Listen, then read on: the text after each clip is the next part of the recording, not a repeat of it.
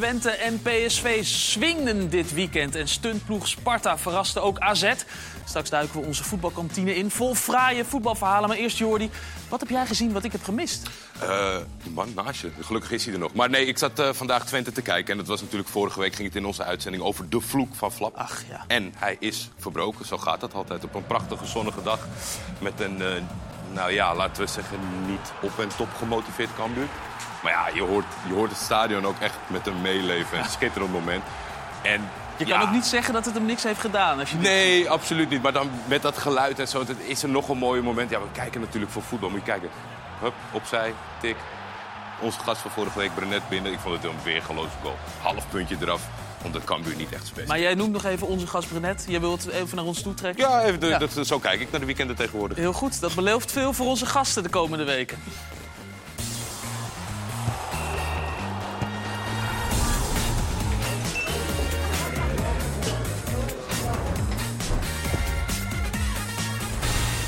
Goedemiddag en van harte welkom in de voetbalkantine. Vandaag weer uitstekend gevuld met een heleboel leuke gasten. Dani Kerkdijk is er, speelster van uh, Twente. Maar in de vrije tijd ook DJ zonder DJ-naam nog tot op dit moment. Uh, we gaan er proberen voor het eind van de uitzending toch uh, iets van te maken met elkaar. Daarnaast zit Robert Schilder, de man die voor drie verschillende clubs 100 wedstrijden speelde. Bijzonder. Ja, niet slecht toch? Nee, zeker niet. Ja. Aan de andere kant vaste, misschien wel favoriete kantinegast, Robert Maaskamp. Nou. De man waaronder Robert Schilder zijn meeste doelpunten maakte. Iemand die niet superveel scoorde. Als linksback zelfs, ja? Ja, hè? Ja, dat vond hij niet leuk. Nee? Linksback. Nee, nee linksback ik, wilde je begrepen. Nee, nee. Dat ging om het middenveld, hè? Daarnaast iemand die niet superveel doelpunten maakte... maar wel vaak best dressed player was van uh, Nederlands velden. Kurt Elschot, welkom. Dankjewel. En uh, Damien Verbrugge, die uh, afgelopen... Ja, de, de periodetitel heeft geschonken aan Almere City. De kampioenmaker. Ja. ja. Welkom. Leuk dat je er bent. Heel goed. Aan de bar zit onze dataman Max... die alle cijfers en feiten weer op een rij heeft. En daarachter, achter de bar, staat barman Nick... die belt op het moment dat er iets gebeurt op ESPN 2. En de man die uh, zonder slaap hier is, want hij heeft uh, Celtic Rangers gezien. Um, en uh, is in één keer doorgekomen. Ja, dat is ook wat waard. Dat is een jaloersmakend affiche, toch, Robert? Zeker. Ja. Ben jij er wel eens geweest? Met jouw ervaringen in Schotland? Nee, wel tegen Celtic en Rangers gespeeld. Ja, maar dat telt dan weer net. Met Motherwell? nee, nee niet geweest. Ik ben wel toevallig vorige week bij de rugby geweest in, in Schotland. Ook leuk, Edinburgh. Oh, oh, hier. Ja. Kijk, daar zijn we Kijk, al. Nick denkt, het gaat veel te lang over mijn, over mij. Uh, over mijn. Aandacht verplaatsen. we gaan kijken op uh, ESPN 2 waar Ajax tegen Fortuna speelt. Uh, Boerak is er dus gelukkig bij, uh, Jordi, mm -hmm. zoals je al zei. Fijn dat hij uh, toch niet echt afscheid heeft genomen. En dit is een fraai doelpunt, zeg, van Steven Berghuis, die hem binnenkrult. Dat doet, ja, doet toch altijd een beetje denken aan... Arjen Robben, hè? Als iemand nou, ja, zo, uh... Zodra iemand alleen al naar binnen loopt, dan is het al gelijk het Arjen Robben-stempel natuurlijk. Ja, Kurt, als jij de naam Arjen Robben hoort, wat gebeurt er dan met je? Ja, hij heeft het een beetje uitgevonden, hè? Zo ja. naar binnen komen, dribbelen en, uh, en scoren. Ja, Arjen Robben is gewoon uh, ja, natuurlijk een van Nederlands grootste voetballers ooit, denk ik. Maar krijg je het al een beetje warm onder de oksels als je denkt aan die trainingen die jij tegen hem hebt gestaan? Nou, dan leer je iemand kennen, hè? Ja? Dan is het dat is voor hem natuurlijk knap lastiger om, hè, om je te passeren. Maar uh, oh, was? Hele... werd, dat, werd dat lastiger? Wat, Wat werd dat lastiger? Want we zien natuurlijk op de internationale velden was onze vraag altijd... hoe kan het nou, iedereen weet wat hij gaat doen, maar jij hebt het op een gegeven moment wel door? Ja, op een gegeven moment wel. Kijk, als je dagelijks met iemand traint, dan, uh, dan ken je bepaalde trucjes en bewegingen ken je natuurlijk wel. Ja. Ik wil niet zeggen dat ik niet, uh, nooit voorbij ben gelopen, hoor. moet ik eerlijk bekennen. Maar uh, was uh, superleuk en, uh, en heel mooi om hem uh, in je team te hebben natuurlijk. Geweldig zeg. De man die Arjen Robben door had. Afstopte. Hij, hij, zit hier aan, hij zit hier aan tafel. Maar ik kan me toch ook voorstellen dat je af en toe dacht... wat, wat is dit voor, voor speler die ja, voorbij kijk, hij was, was 16 jaar toen hij bij de selectie kwam. En ja, voordat hij bij de selectie kwam stonden er al heel wat clubs voor hem in de rij natuurlijk. Hè. een van de meest talentvolle voetballers in Nederland. En uh, nou ja, hij heeft het ook wel laten zien hè? bij zijn debuut uh, tegen Feyenoord natuurlijk. Uh, ja, wat niemand vergeet is dat hij ja, eigenlijk nagenoeg in zijn eentje de Feyenoord-verdediging voorbij speelde. Nog en, met haar toen? Toen nog met haar, ja, inderdaad. maar nou ja, goed, iedereen... Maar, maar had je toen al door, dat je, toen die 16 was, tegen jou op de training stond... had je toen al door, ja, deze, deze man gaat naar Chelsea, Real Madrid... Nou, hij had wel uitzonderlijke kwaliteiten natuurlijk. Hè? Wat je niet vaak bij andere jonge spelers zag. En uh, je had natuurlijk in die periode heel veel talentvolle spelers. Alleen eh, ja, hij, hij was gewoon kenmerkend in zijn dribbel. Eigenlijk een beetje ja, eh, Messi-achtige tafereelen. En eh, nou ja, goed, hij heeft het ook wel eh, dubbel en dwars laten zien natuurlijk. Hè. Hij heeft een hele mooie carrière gehad. En ik denk eh, in Groningen is, eh, is iedereen hartstikke trots dat hij uit het noorden komt. Ja, Ja. Dat kan ik me voorstellen. Robert, jij zat te kijken naar de doelpunt van eh, Flap, net als Jordi vanochtend. Ja. En deed je denken aan een doelpunt uit het verleden? Moet je me even helpen? Nou ja, de man zit naast je. Oh ja, nee, ja zeker, ja. nou, we, we hebben het nu toevallig net in de, in de, in de make-up. groter word ik Zou je bijna niet, zeggen dat, we- dat we swing nodig hebben. Maar eh, nee, Koert maakte op een gegeven moment ergens in een seizoen een keer een doelpunt. En eh, dat is mij altijd bijgebleven. En ik weet niet meer tegen wie het was. Ik weet niet meer op welk moment. Maar ik weet dat hij toen, eh, nou, als linksback speelde hij dus inderdaad tegen Willem II. En dat, maakte wedstrijd. zoveel emotie bij mij los toen. Maar bij, bij iedereen, in het hele stadion. Dit is trouwens ook een aardig doelpunt gewoon. dit werd hem zo waanzinnig gegund. Eh, moet je kijken hoe, hoe, hoe die ploeg daarop reageert. En dan weet ik wel, het is tegen Willem II met NAC. Dat is altijd nog een beetje extra aanstaande vrijdag trouwens. Komt die wedstrijd er weer aan. Eh, maar Koert is een jongen die... eh, Maar had Koert ook heel lang niet gescoord? Of waarom, waarom was Hij hij, scoorde nooit bijna. hij scoorde echt bijna nooit. En Ja, had eigenlijk vaker moeten eigenlijk scoren, liep hij alleen maar in de weg. Nee, nee, naast dat Koert een hele goede voetballer was... maar was het gewoon... Je hebt, af en toe heb je van die gasten in je selectie... die gewoon door ieder, iedereen vindt, vindt die gewoon aardig. Weet je wel? En dan, dan wordt hij professioneel gewaardeerd, maar zeker ook op een vriendschappelijke basis. En dat had hij extreem. En daarom was het deze goal. Ik, ik, ik kan me nog herinneren, daar was ik echt emotioneel door. Vond ik echt vond ik Had, mooi. had jij zelf ook wat bij dat doelpunt, Koert? Of was het echt alleen Robert in zijn eigen wereld? langs, Ja, eh, en de langs rest van de spelers, hè, en de rest van de spelers. Ja, ja, ja. Robert En het stadion langs de trouwens kant. Nou, weet je wat het is sowieso? Hè? Ik was niet echt een speler die heel vaak eh, doelpunten maakte. Ik weet nog dat ik een lange tijd eh, geblesseerd eh, ben geweest of was geweest. En eh, ja, dan mag je weer een keertje spelen natuurlijk, ook weer in de basis. Ik, ik- dat se- seizoen speelde ik volgens mij helemaal niet eh, zo heel vaak hè? Nee. op en aan. Dus eh, bedankt daarvoor.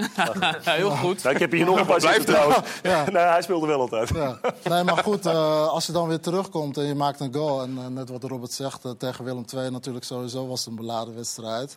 en je scoort sporadisch, ja, dan is de vreugde eh, toch een stukje extra. Gewonnen die wedstrijd? Wel gewonnen, hè? Denk het wel. Ja, 2-1? ja denk het wel. Dat 4-0. Oh, Kijk. 4-0 zo? scherp. Kijk, ja. We hebben hier toch echt een Ja. soort eh NAC-reunie, eh, of een soort Robert Maas. Nou, het is wel heel toevallig natuurlijk. Damien heeft ook eh, onder jou gevoetbald. Of, of Ja. niet al te veel gevoetbald, maar bij VVV was dat een periode. Komen we zo op. Maar eerst even de, de, de NAC-driehoek die we hier Ja. hebben zitten. Want jij kent eh, Robert Maaskant ook Zeker, ja. Ik, eh, ik, toen ik daarna kwam, was Robert trainer. Was dat in de Kroonprins-periode? Eh, Dat was wel een net goede een- tijd. Nou, het was een, zeker een andere tijd bij NAC. Het was, eh, ja, we hebben daar een hele goede tijd gehad. Ja, we hebben zelfs nog voorronde Europa League gespeeld met NAC. Dus dat, is, ja, dat geeft wel aan dat, het- ja, dat het een mooie tijd was. Maar ook dat de tijden natuurlijk een beetje zijn veranderd. Dat Ja, maar kijk. wel, eh, Nee, ik, kreeg de op, ik ging naar NAC toe en toen kreeg ik de opdracht... eh Verkeerde man omcirkeld. Moest ik, eh, moest ik verjongen. En eh, nou, toen, daar is Robert toen bijgekomen, Kees Luiks. Ja. Ja. De er trouwens, bij. hè, die nu is omcirkeld. Eh, ja, ik zit te kijken. Jij staat ja, ja. in het midden gewoon. Precies. Ja, het is dezelfde dikke kop. Ja, ja. Eh, Goudelje kwam erbij, eh Gorter kwam erbij. Dus we hadden allemaal best wel jongens die... En, dat moet je dan even afzeggen tegen een groepje van... eh, eh, nou ja, Koert was er, eh, Zwaanswijk, Penders, Penders in die tijd. ja. Amoa, Leurling, Ja. Kolka. Dat was echt wel de Goeie. basis. En, eh, Ja, allemaal hele goede, ervaren profs. Ja. En eh, dit, dit jonge groepje kwam daarbij. Dus dat, dat zorgde wel voor een beetje, een beetje actie in de, in de tent. Maar Robert, wa- wat weet jij nog van die eh, voorronde eh, tegen Villarreal, was dat? Eh, ja, daar eindigde het, ja. Nee, het was ja, natuurlijk een mooie ervaring. We hebben zelfs de eerste twee rondes nog gewonnen tegen een uh, Ganse Zakapan. Was dat in Armenië zijn we nog geweest? De Armenië? verste Europese uitwedstrijd ooit. Ja, dat kon niet verder. Echt aan de grens van... of- officieel speelde ze aan de grens met eh, Syrië of zo ergens. Maar dat mocht dan niet, omdat het... eh, dus we speelden in de hoofdstad, die wonnen we. Eh, toen gingen we naar Polen, die wonnen we ook. eh eh, Polonia Warschau. Polonia Warschau, later uh, Theo Bestaat Bos niet nog meer. eh, geweest hè, Ah. als trainer.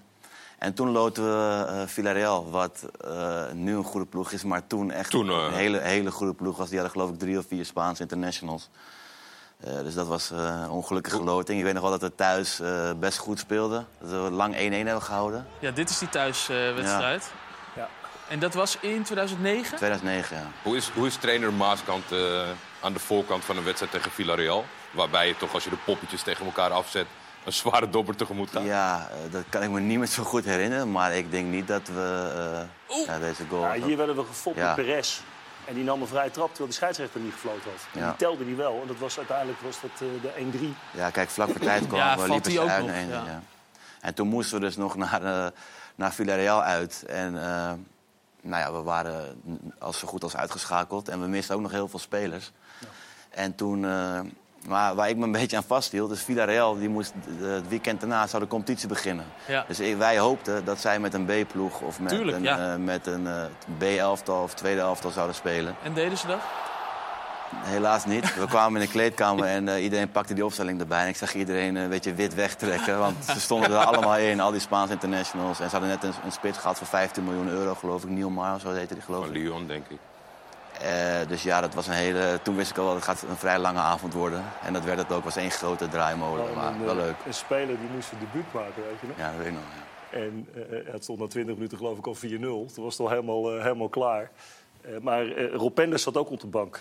Die kon ook niet spelen. En de, 's morgens in het hotel daar, een vreselijk hotel zaten we in Villarreal. En die haakte ook nog een keertje af.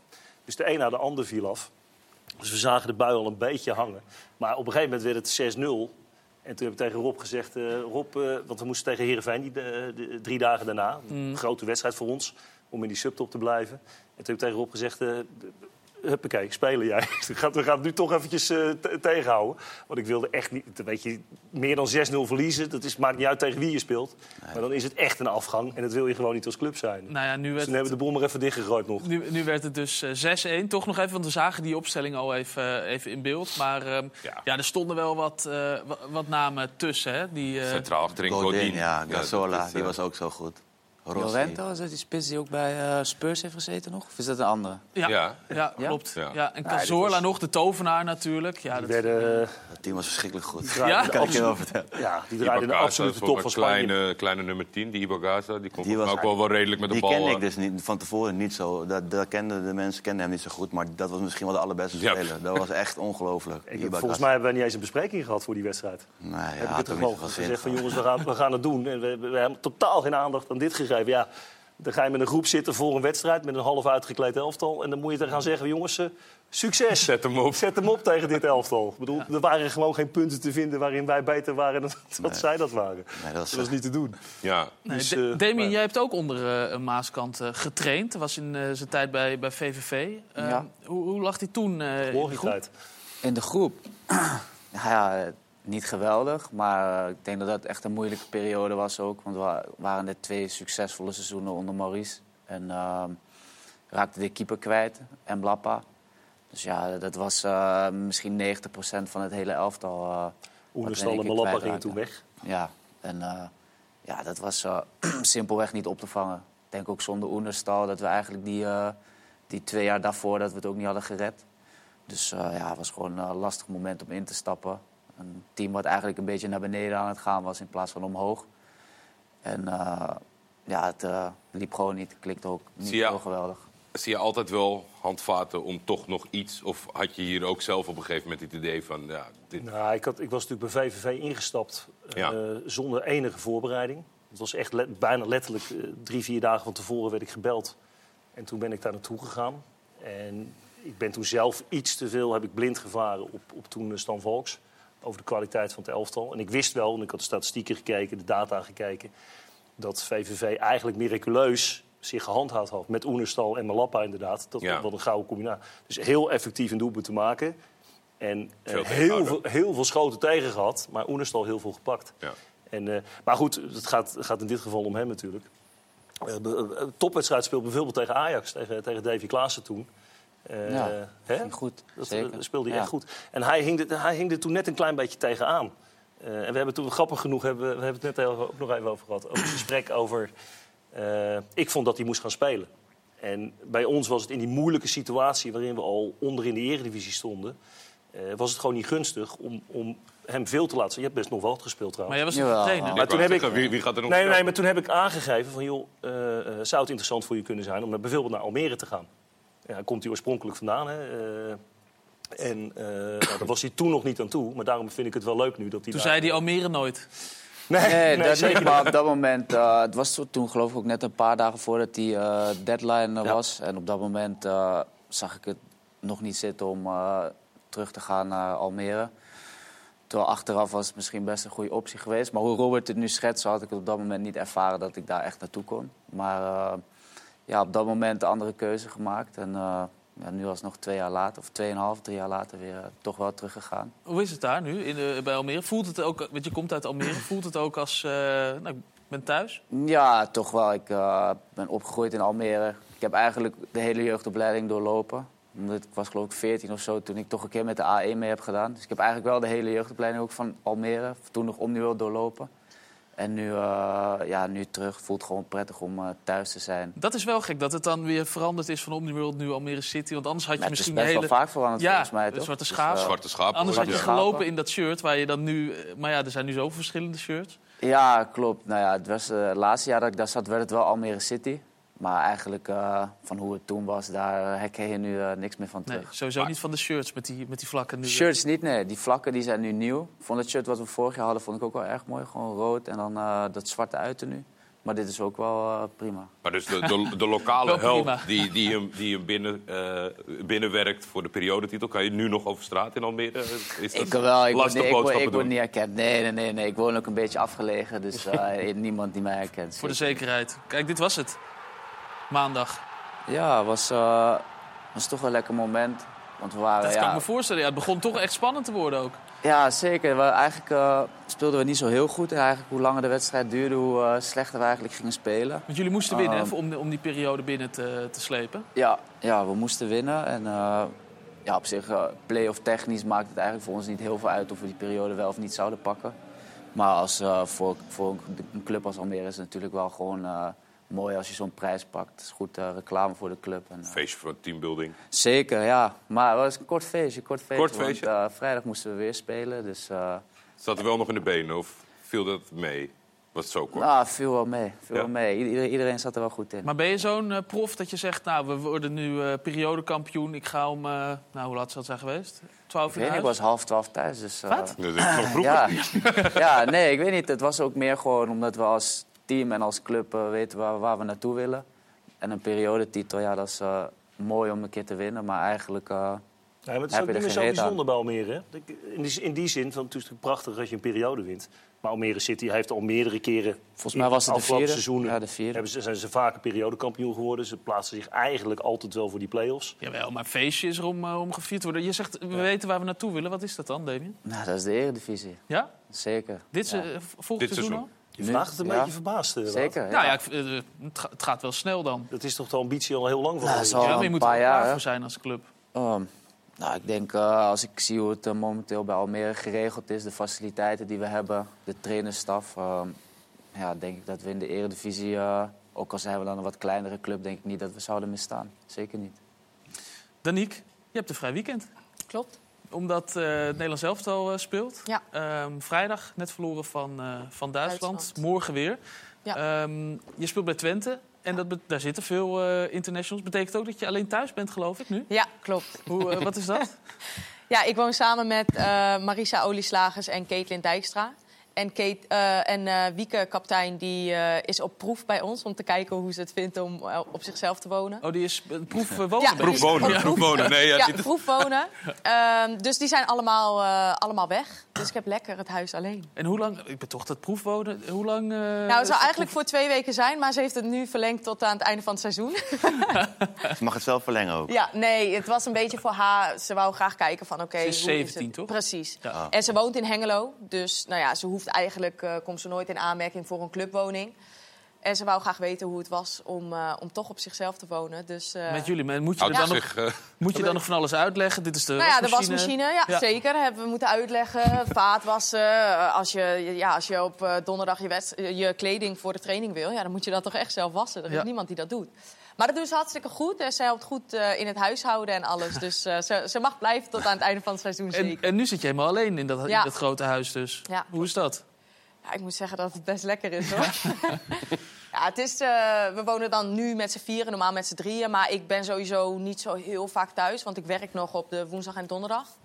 Ehm, dus in principe, ja, het gaat prima. Het is echt top. Maar het is ook wel even lekker dat je even het huis alleen hebt. En is het dan zo dat je nu alleen thuis bent en de hele dag keihard muziek aan het draaien bent? Want dat, dat is ook iets wat je daarnaast doet. Ja, dat doe ik daarnaast ook. Maar nee, ik ben niet de hele dag eh, die muziek keihard aan. Of, eh, nee. Ik doe wel mijn mijn set eh, oefenen. En Ja, want je bent dingen. DJ, hè? Ja, klopt, Ja. ja. Maar nee, het is niet dat dat de hele dag op staat. Hoe kom je erop om als voetbalster ook opeens DJ te worden? Ah, het begon eigenlijk een beetje in de coronatijd. Want op dat moment eh, voetbalde ik in Engeland. En nou ja, we moesten allemaal naar huis. En ja, dit is het. Ja, zo, zo ziet het eruit. Zo Ja. ziet het eruit. Eh, dus ja, in de coronatijd eh, had ik eigenlijk heel veel vrije tijd. En toen dacht ik van, nou ja, naast mijn voetbal wil ik eigenlijk ook, heb ik wel wat tijd over. Dus wil ik eigenlijk wel iets anders daarnaast doen. Echt totaal iets anders dan voetbal. En ehm, op dat moment was mijn huisgenootje Inessa Kaagman was, eh, op de Olympische Spelen. Dus had ik eigenlijk twee maanden had ik zoiets van... oké, ja, ik moet wel echt iets met mijn tijd gaan doen. Dus toen heb ik even gegoogeld. en toen kwam, ehm, toen kwam ik erachter dat er een, eh, een DJ-vrouw... eh, echt twee straten bij mij vandaan woonde. En die was toen op de Engelse radio was ze DJ. Dus daar ben ik naartoe gegaan. En eigenlijk meer om te kijken van, oké, is dit wat? Want muziek vond ik altijd al superleuk.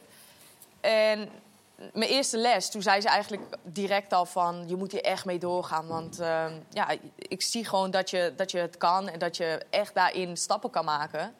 Dus zodoende ben ik er eigenlijk toen die tijd mee doorgegaan. En nou ja, nu, het is gewoon een hobby van me. Maar ja, ik krijg aanvragen en boekingen om dat naast mijn voetbal te Hou je daar dan extreem veel rekening mee? Ja. Want het is natuurlijk gekoppeld aan het nachtleven Precies. voornamelijk. Ja, nee, ik neem eigenlijk altijd alleen de boekingen aan die, eh, ja, als mijn voetbalschema het zeg maar toelaat.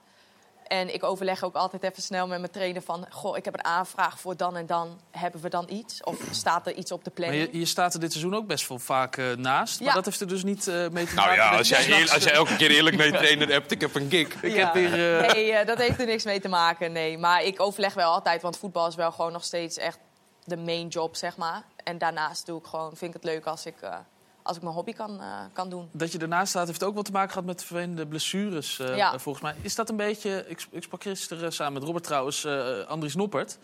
Is dat een beetje zo'nzelfde soort eh, blessure? Die, Ja, ik die weet niet duurt? precies wat hij heeft, maar Ja, ik heb inderdaad... Tussen het, tussen het schaambeen en de buikwand Ja, zit het, geloof ik. Ja, een, een liesblessure. Die, Ja, ja ik heb inderdaad eh, vorig seizoen, het hele seizoen, met schaambeenontsteking gevoetbald. En in de interlandperiodes hebben we wel antibiotica-kuurs geprobeerd om het een beetje te remmen. Alleen dat, ja, dat hielp op een gegeven moment niet. Dat ging dan een week goed of twee weken goed. Maar in Engeland spelen we echt zoveel wedstrijden dat ja, ik moest wel spelen. Dus we hebben alles Moest je dan ook met pijn spelen? Heb ja, je met pijn zeker. gespeeld? Ja, ik heb ook echt wedstrijden gehad waarin ik, ehm, als ik een helft kon spelen, dan was, het echt, eh, dan was het echt lang, zeg maar. Dan moest ik echt moeite doen om dat vol te houden. Dus uiteindelijk aan het einde van vorig seizoen hebben we besloten om, eh, om een plaatselijke injectie te doen om plaatselijk de ontsteking aan te pakken. En terugkomen bij Twente hebben we het langzaam opgebouwd. Ehm, omdat ik een maand lang niks mocht doen. Alleen uiteindelijk achteraf toch wel echt nog steeds te snel opgebouwd. Alsnog te snel. Dus ik heb een paar wedstrijden gespeeld, maar toen uiteindelijk toch echt besloten van luister, als ik gewoon überhaupt in het dagelijks leven zonder pijn wil kunnen lopen, dan moeten we nu echt iets doen. Ja, wat los van spelen, spelen met pijn was het uiteindelijk ook uiteindelijk ook gewoon in in het het dagelijks leven. leven. Ja, ik eh, had eigenlijk gewoon continu pijn. Ja, dat wil je gewoon niet. Dus uiteindelijk met de club over gehad, een traject gemaakt en eh, dat is uiteindelijk goed gegaan.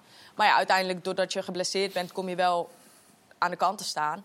En mijn concurrentie op dat moment en nog steeds, die doet het hartstikke goed. Dus ja, voor de trainer is er gewoon geen. eh, Ik, ho- ik, ik hoor je het verhaal nu vertellen. Daar- ben ik heel nieuwsgierig naar. Of je, eh, in hoeverre richt jij je nu al richt, op, richting de maatschappelijke kant? Je zegt, ik ga vol voor de voetbal nog. Ja. Maar je werkt twee dagen in de week, plus je DJ erbij. ja. In hoeverre gaat, wanneer gaat jou dat verhaal spelen van... Hey, moet ik misschien niet iets meer naar de maatschappelijke kant gaan kijken? Nou ja, ik ben natuurlijk teruggekomen met een reden. Ik heb vijf jaar in Engeland gevoetbald. En dat is echt hartstikke leuk. Daar heb ik echt van genoten. Alleen, tuurlijk, er komt ook een leven na het voetbal. En ik, ja, als ik heel eerlijk ben, ben ik daar ook zeker mee bezig. Van oké, eh, als vrouw zijn verdien je gewoon niet genoeg. Dus naast Twente... Als man ook niet trouwens, hoor. Nee, dan moet ik gewoon daarnaast werken. En dat doe ik echt met heel veel plezier. Ehm, maar inderdaad, ja, je moet ook op een gegeven moment wel gaan kijken naar je maatschappelijke carrière. En nou, daar ben ik wel in de coronatijd al mee begonnen om te kijken van oké, waar liggen mijn interesses naast het voetbal? Ehm, En, ja, dat En helpt, lijkt- helpt Twente je daar dan bij? Of is, moet je dat echt alleen doen? Is dat echt een apart traject? Ehm, ja, het is wel een apart traject. Maar Twente geeft je wel de mogelijkheid om eh, bijvoorbeeld een baan binnen Twente eh, te doen. Ik heb een aantal teamgenoten die werken ook los van de voetbal ook eh, op een afdeling voor Twente. Dus de club helpt daar echt wel heel goed bij. Maar je bent 26 nu, toch? 26, ja. En wat is dan een eh, leeftijd waarop je zou kunnen willen stoppen? Ja, ja, dat ligt eraan. Het, het is maar net de vraag van hoe lang hou je het vol. Nou ja, ik merk aan mijn lichaam na die blessure dan, ondanks dat, dat het eigenlijk supergoed gaat. En ik heb eigenlijk, los van dat, dus eigenlijk nooit wat. In dat geval zou je praten normaal gesproken Ja. 33, 35 zeker, jaar. Zeker, ja. Maar ja, ja heel eerlijk, ik, eh, ik Jij weet ziet het niet. niet nee, ik, ik, ik heb eigenlijk mijn hele carrière al van, van jaar tot jaar zeg maar, gekeken. En gekeken wat er op mijn pad kwam. Dus ja, ik maar dit zit klinkt nog, meer eh, als eh, 28. Ja, ik, ik zit tot mijn 28e eh, heb ik een contract bij Twente. En ja, dan gaan we weer kijken verder van, eh, van beide kanten. Van oké, is de interesse nog dusdanig groot voor het voetbal? Wat er op dit moment echt nog wel is. Want ik vind het echt fantastisch om elke dag nog eh, mijn hobby zeg maar, op het veld echt te kunnen doen. En daar heb ik echt nog heel veel, te veel passie zeg maar, voor om dat los te laten. Maar tuurlijk, ik ben inderdaad wel ook aan het kijken van... oké, wat zou ik eventueel willen na, na een leven na de voetbal? Dus ja, Dat is geloof ik ook eh, wat jij een beetje aan het doen bent, toch Robert? Aan het kijken voor het leven na voetbal. Ja, klopt. Dus Sta je nog wel eens op het veld? Of met mijn vrienden, ja. In een vriendenteam. Eh, ja, en ik loop mee bij Ajax in de jeugdopleiding. Bij eh Ajax onder 14 vooral. Hoe gaat het in dat vriendenteam dan? Loop je nog steeds iedereen voorbij? Of, eh, Nou ja, eh, niet te bescheiden? het, gaat, het gaat wel goed. Ik heb eh, nog niet zoveel gespeeld dit jaar, want ik heb een lange blessure gehad. Maar eh afgelopen maand... Nee, nee, nee. nee, nee, nee. Dat, eh, nee, ik sta daar eh, op het middenveld en eh, het gaat goed, het is leuk. Ik moet zeggen, ik geniet er erg van. Het is echt nog leuker dan ik had verwacht. Ik, het is natuurlijk een beetje de vraag hoe die stap terug, hoe dat bevalt. Ik ben natuurlijk nog wel re- redelijk fanatiek. Maar het is echt leuk. En het is, ja, af en toe, ik voel me net een beetje een jongetje van vroeger. Je, bij de amateurclub nog. Vrijheid, blijheid. ja, ja. eh, toen- ik zeg voor de was toen het voetbal nog leuk was. Weet je wel, dat Ja. het echt nog... eh, nee, toen... eh, ja, dat, dat ervaar ik nu wel weer een beetje. En het gaat natuurlijk ook vooral om het sociale gebeuren. En die jongens ook weekend weer zien en dan blijven hangen. Dat... eh, Maar ja, die, dat, die, die, die meer dan 100 wedstrijden voor drie verschillende clubs. Ja. eh, dat, dat is toch ook wel eh, heel bijzonder? Of Ja, dat voel je weet ik dat zelf eigenlijk niet. minder? Ja, weet ik eigenlijk niet of dat bijzonder is. Maar wel, ja, ik heb, eh, ik heb bij NAC drie jaar gevoetbald, bij Twente vier jaar en bij Cambuur drie jaar. Ja, en, eh, en eigenlijk wel eh, op mijn periode bij Twente na heb ik wel te maken gehad met, eh, met blessures. Maar eigenlijk bij NAC helemaal niet en bij Cambuur eigenlijk ook helemaal niet. Ja, dan, dan, als je dan een baasspeler bent, dan, dan kan je dat wel halen. Hoe gaat het dan als je 100 wedstrijden... Krijg je dan nog iets? Of een... eh, Erg verschillend, Ja? maar net hoe de club daarmee omgaat. Eh, ik heb niet altijd iets gekregen. Volgens mij, het Wat is- zeg je bij Twente? Ik sta op 98, dus is wel... Kijk, ja, dat is goed om even Ik te heb weten. gehoord een DJ-vakantie naar je dienst. Bij Twente kan ik me niet meer herinneren. Volgens mij, ik denk niet eens dat ik iets bij Twente heb gekregen. Nou ja, dit krijg je in ieder geval bij Twente als je 300 wedstrijden Ja. voor... Dan moet je nog even. Dan kan je niet op je 28ste stoppen. Nee, dan moet ik nog wel eventjes door, ja. Ja, want dit is Wout Brama die eh, invalt Vandaag, ja. eh, vandaag. Meteen de aanvoerdersband eh, krijgt. En ehm, daarna de, ook maar het veld eh, inloopt. Voor dus zijn 300ste wedstrijd. Ehm, verder ja, een invalbeurt waar we het maar niet al te... Nee, dat was prima. Maar eh, dan gebeurt dit. Na de wedstrijd krijgt hij een, eh, in ieder geval heel veel aandacht. Zijn dochtertje erbij. Ja, dat is toch wel mooi. Echt een clubman. Bijzonder jongens, hè? 300 wedstrijden Ja. voor- een clubspeler. Dat, gebeurt niet zo heel vaak meer. En de, de, de, de waardering spat er vanaf Ja. Eh, bij, Mooi. over hem. Ja, maar ik vond, ik vond ook zelf mooi. het mooie bij het zien van de beelden... En, en toen hij aan het woord was, dat iedereen had een beetje het gevoel van... nou, dit is een prachtige afsluiting, 300 mooi. Nee, hij wil nog door. Ja, precies. Ja. Hij had zelf nog zoiets, nou, dit seizoen is niet afgelopen. En ik Dus hoorde ja. net op Radio 1 Bram van Polen eventjes over, de, over een slechtere situatie trouwens met de supporters. Maar die, eh, ja, die, die plakte er volgens mij ook nog een jaartje aan als ze promoveren. Wil Dat toch nog een is wel wat wij hier ook proefden, Ja. geloof ik. Ja, heeft hij Ja. in dit programma ook al gezegd dat hij dat graag zou willen in ieder Speelt geval. ook nog heel veel, toch? Van Polen? Zeker. Zeker. Ja, Bijna alles. Zeker. Ja. Ja, Ja, ja, ja. En Ja, eh, knap wel. in de Eredivisie misschien volgend jaar zou dat, eh, zou dat mooi zijn. Kurt, jij was ook vrij eh, honkvast, hè? Ja, volgens mij wel. Ik heb eh, dan twee clubs gehad, Groningen en NAC Breda. En eh, bij Groningen heb ik mijn langste periode wel gehad. Ik moet zeggen, op vrij... Tien ja, jaar daar gespeeld? Tien seizoenen gespeeld, ja. ja op mijn achttiende eh, begonnen, zeg maar. En eh, nou ja, goed. Ik, Ik ben gedebuteerd als, eh, als linksback. Joop Gal die was destijds echt wel eh, basisspeler. Eh, ontzettend veel wedstrijden gespeeld, die raakte geblesseerd. Toen kreeg ik de kans om, om daar te gaan spelen. Op je 18e was dat? Ja, ik was 18 jaar. En ik moet zeggen dat ik niet vrijwel direct basisspeler was. hoor. Dat heeft nog wel even geduurd, maar eh heeft niet zo lang op zich laten wachten. En ja, ik denk dat het ook wel met de positie in het veld te maken heeft. Hè. Backs worden eigenlijk nooit zo vaak gewisseld. En eh, op een gegeven moment ben ik van de linksback naar rechtsback gegaan. Ja, ik heb best wel wat trainers ook meegemaakt. Maar eh, ja, ik was altijd vrij degelijk, moet ik zeggen. Geen gekke, geen gekke dingen, gelukkig in negatieve zin. En eh, ja, ik hield wel van, van aanvallen, moet ik zeggen, daarnaast. Een beetje moderne bek. Ja, toen al wel. Zeker. Toen kwam het wel eh, een beetje naar voren, inderdaad. Zo'n tienjarig dienstverband, ontstaat het er een beetje van dat er misschien gedurende de periode niet, niet interesse is of dingen die niet aansprekend zijn? Of is het echt een weloverwogen beslissing van ik heb het hier goed, ik wil hier blijven? Nou, ik denk dat in die periode, in die tijd, spelers ook wel wat, eh, wat meer gebonden waren aan de club. Hè? Wat, wat trouwer eigenlijk. En, eh, nou ja, ik kwam ook uit Groningen natuurlijk. Ik kwam ook uit, uit de wijk, Oosterparkwijk, waar het oude stadion ook nog stond. En ja, dat was gewoon wel echt letterlijk een jongensdroom natuurlijk. Ik ging vroeger ook altijd bij de trainingen kijken als jochie en dan ballen halen. Heel veel Weet binding met de eh, club. Dus Ja, wel eigenlijk zolang met het de goed club. ging. Ja, precies. En met de stad. En tussentijds eh, ja, is er hier en daar natuurlijk wel wat interesse geweest. Maar ja, of, eh, of het moment was niet goed of, eh, of ik zat zelf niet lekker in mijn vel natuurlijk. Eh, dat heeft ook te maken met timing natuurlijk. Maar je hè. ziet in die tien jaar ook een club helemaal veranderen, denk ik, of niet? Ja, ontzettend veranderd. Ik moet zeggen, ik heb de Euroborg heb ik niet meer meegemaakt. Wel met NAC eh, dan tegen Groningen gespeeld. Maar op het moment dat de Euroborg eh, ja, kwam, toen eh, heb ik besloten om weg te gaan. Dat was dacht, voor ja, jou zoiets van, nou, de- dat hoef ik niet. Dat is mijn, Nou. huis. dat is mijn huis niet. Nee, ik dacht of ik blijf me, hè, de rest van mijn leven bij Groningen spelen... of ik maak nu nog eens een keer een stap om ergens anders te kijken. Ik denk ook dat het altijd wel goed is voor je eigen ontwikkeling... om eh, oh, kijk je ergens anders in de Ja. keuken te gaan nemen. En dat heb ik toen gedaan. Ik kon toen ook meteen een eh, best wel lang eh, contract eh, tekenen bij NAC voor vijf jaar.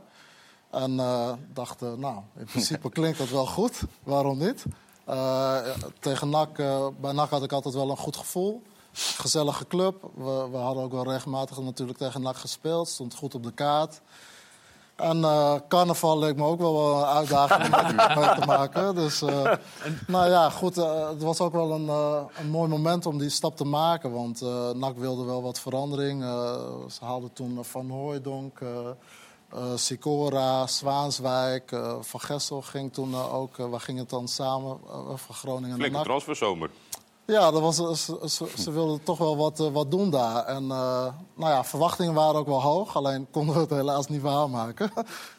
We, we belanden zelfs nog in de na-competitie dat seizoen. Eh, het seizoen daarop, gek genoeg met vrijwel hetzelfde, dezelfde selectie...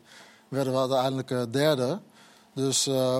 eh, nou ja, goed. Ik, ik moet zeggen dat ik bij beide clubs wel. eh ja, maar is, is goede Groningen nog steeds je grote... nou ja, liefde klinkt maar... Ja, jawel, absoluut. Groningen is absoluut. Ja. Ja, ja, zeker. Ja. Ik heb eh, een langere relatie met de club gehad dan eh, in privé. met iemand, maar nee, geintje. Maar eh, nee, Groningen is en blijft mijn liefde. En ik, ik moet ook zeggen, eh, ik ben natuurlijk een tijdje weg geweest. Ja, de stad eh, trok me sowieso natuurlijk wel aan om weer terug te gaan. En ik kijk nu op een andere manier ook terug naar, naar Groningen. Hè, als ik de wedstrijden kijk, ik moet zeggen, ik was, ik was wel echt een voetbaldier in de zin van het doen en het uitvoeren. Ik had altijd wel een dosis eh, discipline.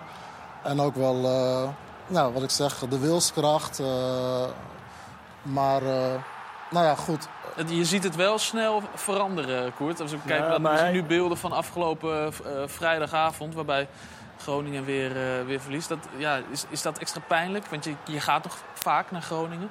Dan zie je club zo... eh, Ja, kijk, ik ben zelf ook een keer gedegradeerd hè, Ja. eh, met, met Groningen. En dan zie je gewoon wel wat er ontstaat. Bij ons pakt het op zich wel goed uit. Want hè, de jongere jongens kregen op dat moment wel weer een kans om, eh, om zichzelf te laten zien. Weet je?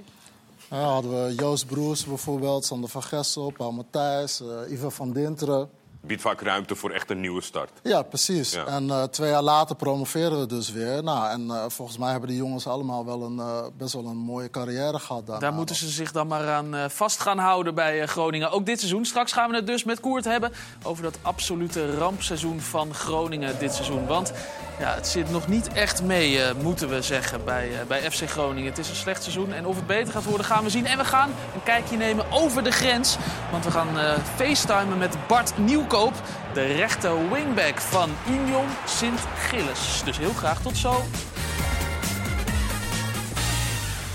Welkom terug bij de voetbalkantine, waar we rustig aan napraten waren. Onder andere over de wedstrijd eh, van gisteren, Robert, waar we samen waren. Heerenveen eh Volendam. Leuke wedstrijd, gezellige avond gehad. Eerste helft zeker. Je had een hoop eh, smakelijke uitspraken, een aantal ook voor de camera, die ik kan delen. Eén daarvan ging over Sidney van Hooijdonk. Je zei namelijk, Sidney van Hooijdonk is op dit moment, op deze leeftijd... eh, verder dan Wout Weghorst, die nu bij Manchester United speelt. Ik zeg het er maar even bij. En ehm, daar heb je heel veel reactie op gehad. Nou, dan zie je maar weer hoe social media... Ik heb geen social media, eh, maar ik heb ook nog FC Media Circus podcast. En die jongens die houden dat dan wel bij. Dus die kwamen met allerlei Twitterberichten. Dat die mascot niet goed bij zijn hoofd was. Want die zei... Oh, jij stelde, sturen ze wel even allemaal door dan. Jij stel, ja, dat vinden ze dan wel leuk, weet je wel. Dat stelde ze, dat- ze stelde, jij stelde de vraag van ja, wat, waar zou zijn plafond kunnen liggen? Waar zou die naartoe kunnen? En eh, ik maakte toen de gewaagde uitspraak. Nou, eh, dat weet je nooit helemaal. Voetballend komt hij echt wel dingen tekort. Maar als je goals maakt en daarentegen de goals die je maakt in de Nederlandse Eredivisie, die tellen ook weer niet zo heel zwaar internationaal. Maar goed, Weghorst op die leeftijd. eh, ik denk dat Van Hooydonk nu misschien wel ietsje verder is zelfs qua doelpunten maken en qua eh dat is Ik wat denk je dat zei. hij op die, op die leeftijd, e- eindperiode Heracles en dan volgend jaar AZ, zeg maar. Dat, is ongeveer, dat, dat zal ongeveer die, die periode zijn. Ja. Ik, ik, had die, ik heb die data niet, maar dat zal ongeveer Hey. op die manier zitten. Het woord is gevallen. de data wel? Wat een We mooi dus bruggetje, Robert. Dank je wel. Want hij zit aan de bar. Checken. De man die alle data heeft. Max, hoe zit het? checken. Nee, Robert Maaskant heeft er verstand van. Want inderdaad, het is wel zo. eh, ik moet één ding erbij zeggen.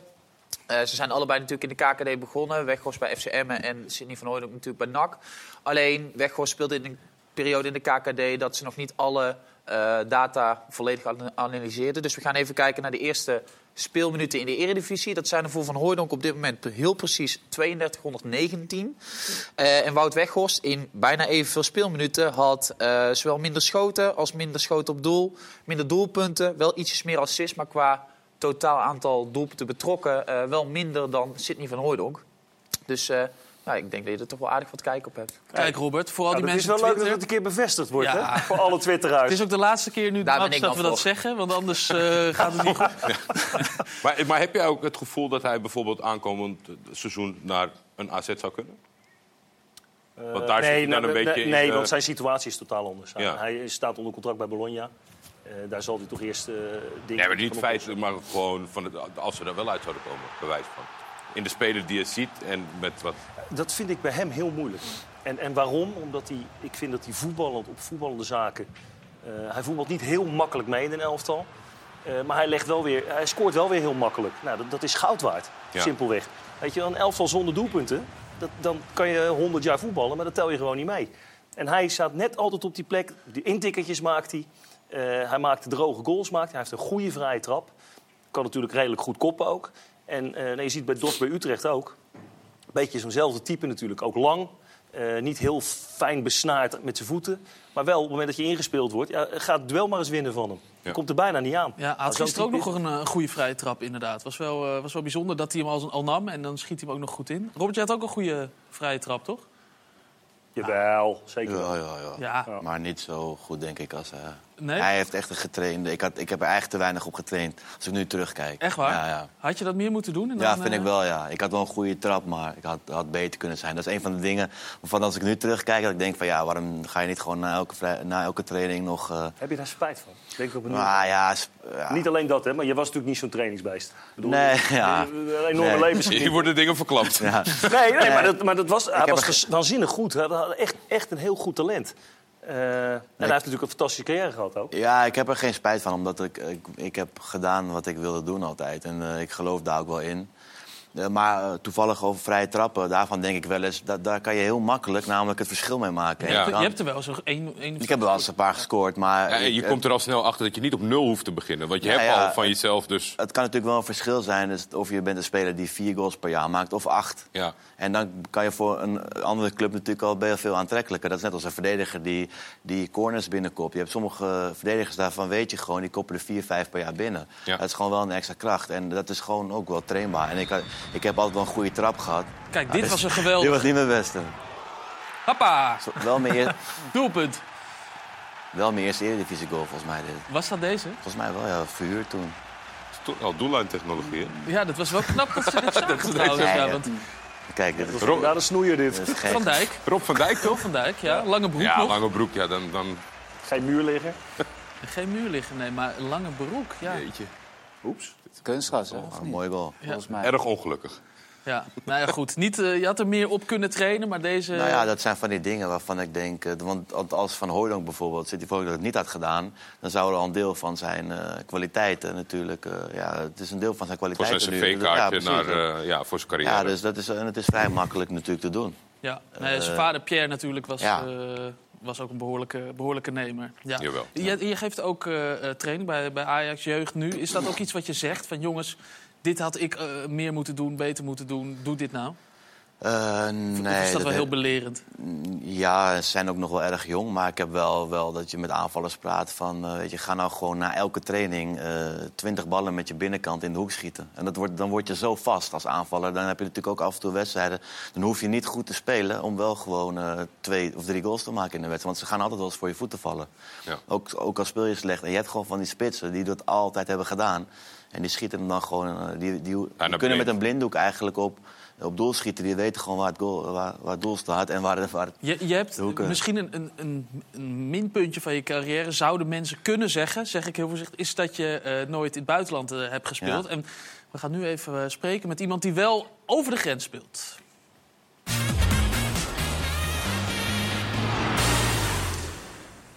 Als het goed is, eh, hebben we nu Bart Nieuwkoop aan de lijn slash telefoon. Goedemiddag Bart. Yes, goedemiddag.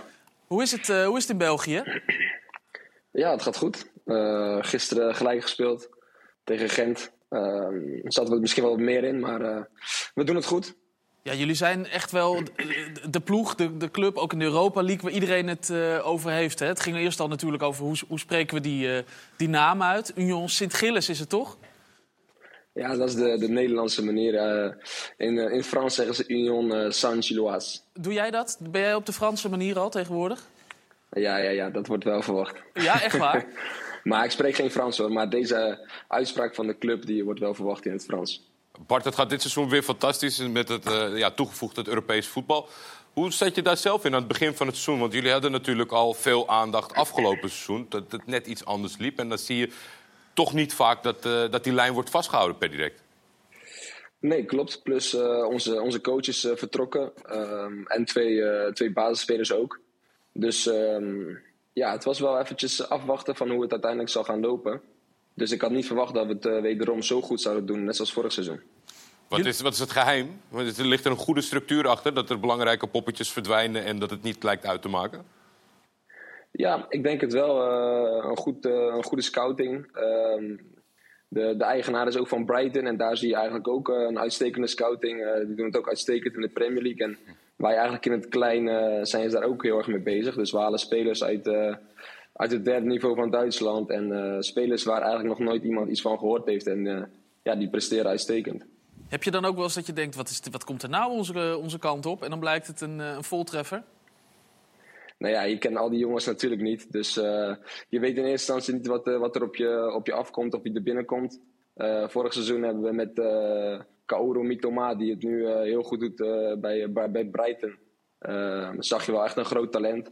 Maar zelfs hij speelde niet eens elke wedstrijd bij ons. Dus ja, het is wel leuk om dan te zien dat hij het nu zo goed doet bij Ja. Brighton. Zeker. Bij de, in de Premier League weten ze niet wat, wat, wat ze overkomt inderdaad met die, met die Mitoma. Ehm, is is Sint-Gilles, zoals ik het dan toch maar even zeg als Nederlander... Is dat, is dat inmiddels echt jouw club geworden? Want het is ook de club waar je de meeste wedstrijden voor, eh, voor hebt gespeeld in betaalde voetbal. Ja, klopt. Eh, de wedstrijden hier eh, volgen snel op, zeker met het Europees voetbal. En en de beker waarin we nog lang hebben gezeten. Dus eh, ehm, ja, ik speel ook iedere wedstrijd, dus dat is mooi. Ehm, dus ja, het, het is mijn tweede seizoen en ik heb hierna nog een jaar. Dus ja, ik heb, ik heb het goed naar mijn zin. Op dit moment staan jullie eh, tweede, hè? twee puntjes achter, eh, achter Genk. Ehm, is dat iets waar jullie nu ook al mee bezig zijn met dat, eh, ja, met dat systeem, zeg maar, dat, van die ranglijst bij jullie in België? Ja, je hebt natuurlijk dat play-off systeem in België. Dat hebben vorig jaar heeft dat ons eigenlijk de kop gekost. We gingen met vijf punten voorsprong. Ja, gingen we als nummer één de play-offs in. En eh, dat hebben we uiteindelijk eh, zijn we tweede geworden. Dus dat was wel heel erg zuur. En ja, nu eh, hoop je dat het de andere kant op gaat vallen. En ehm, ja, uiteindelijk komt die halvering van de punten. We zijn al zeker van de play-offs, dus dat is, dat is alleen maar goed. En we hebben nog twee wedstrijden te spelen. Om, ja, hopelijk kunnen we daar gewoon die zes punten pakken en het gat zo klein mogelijk houden. Eh, jullie stadion, dat vind ik fantastisch. Maar de meeste mensen in Nederland kennen dat niet. Eh, hoe staat dat erbij inmiddels? Is dat aan het, aan het moderniseren of blijft dat echt in die oude staat? Nee, dat, dat blijft echt in die oude staat. En dat, eh, daar zorgen ze ook wel voor. Het is een monumentaal pand inmiddels, dus eh, je mag er ook niks aan doen. Geen muurtje verven volgens mij.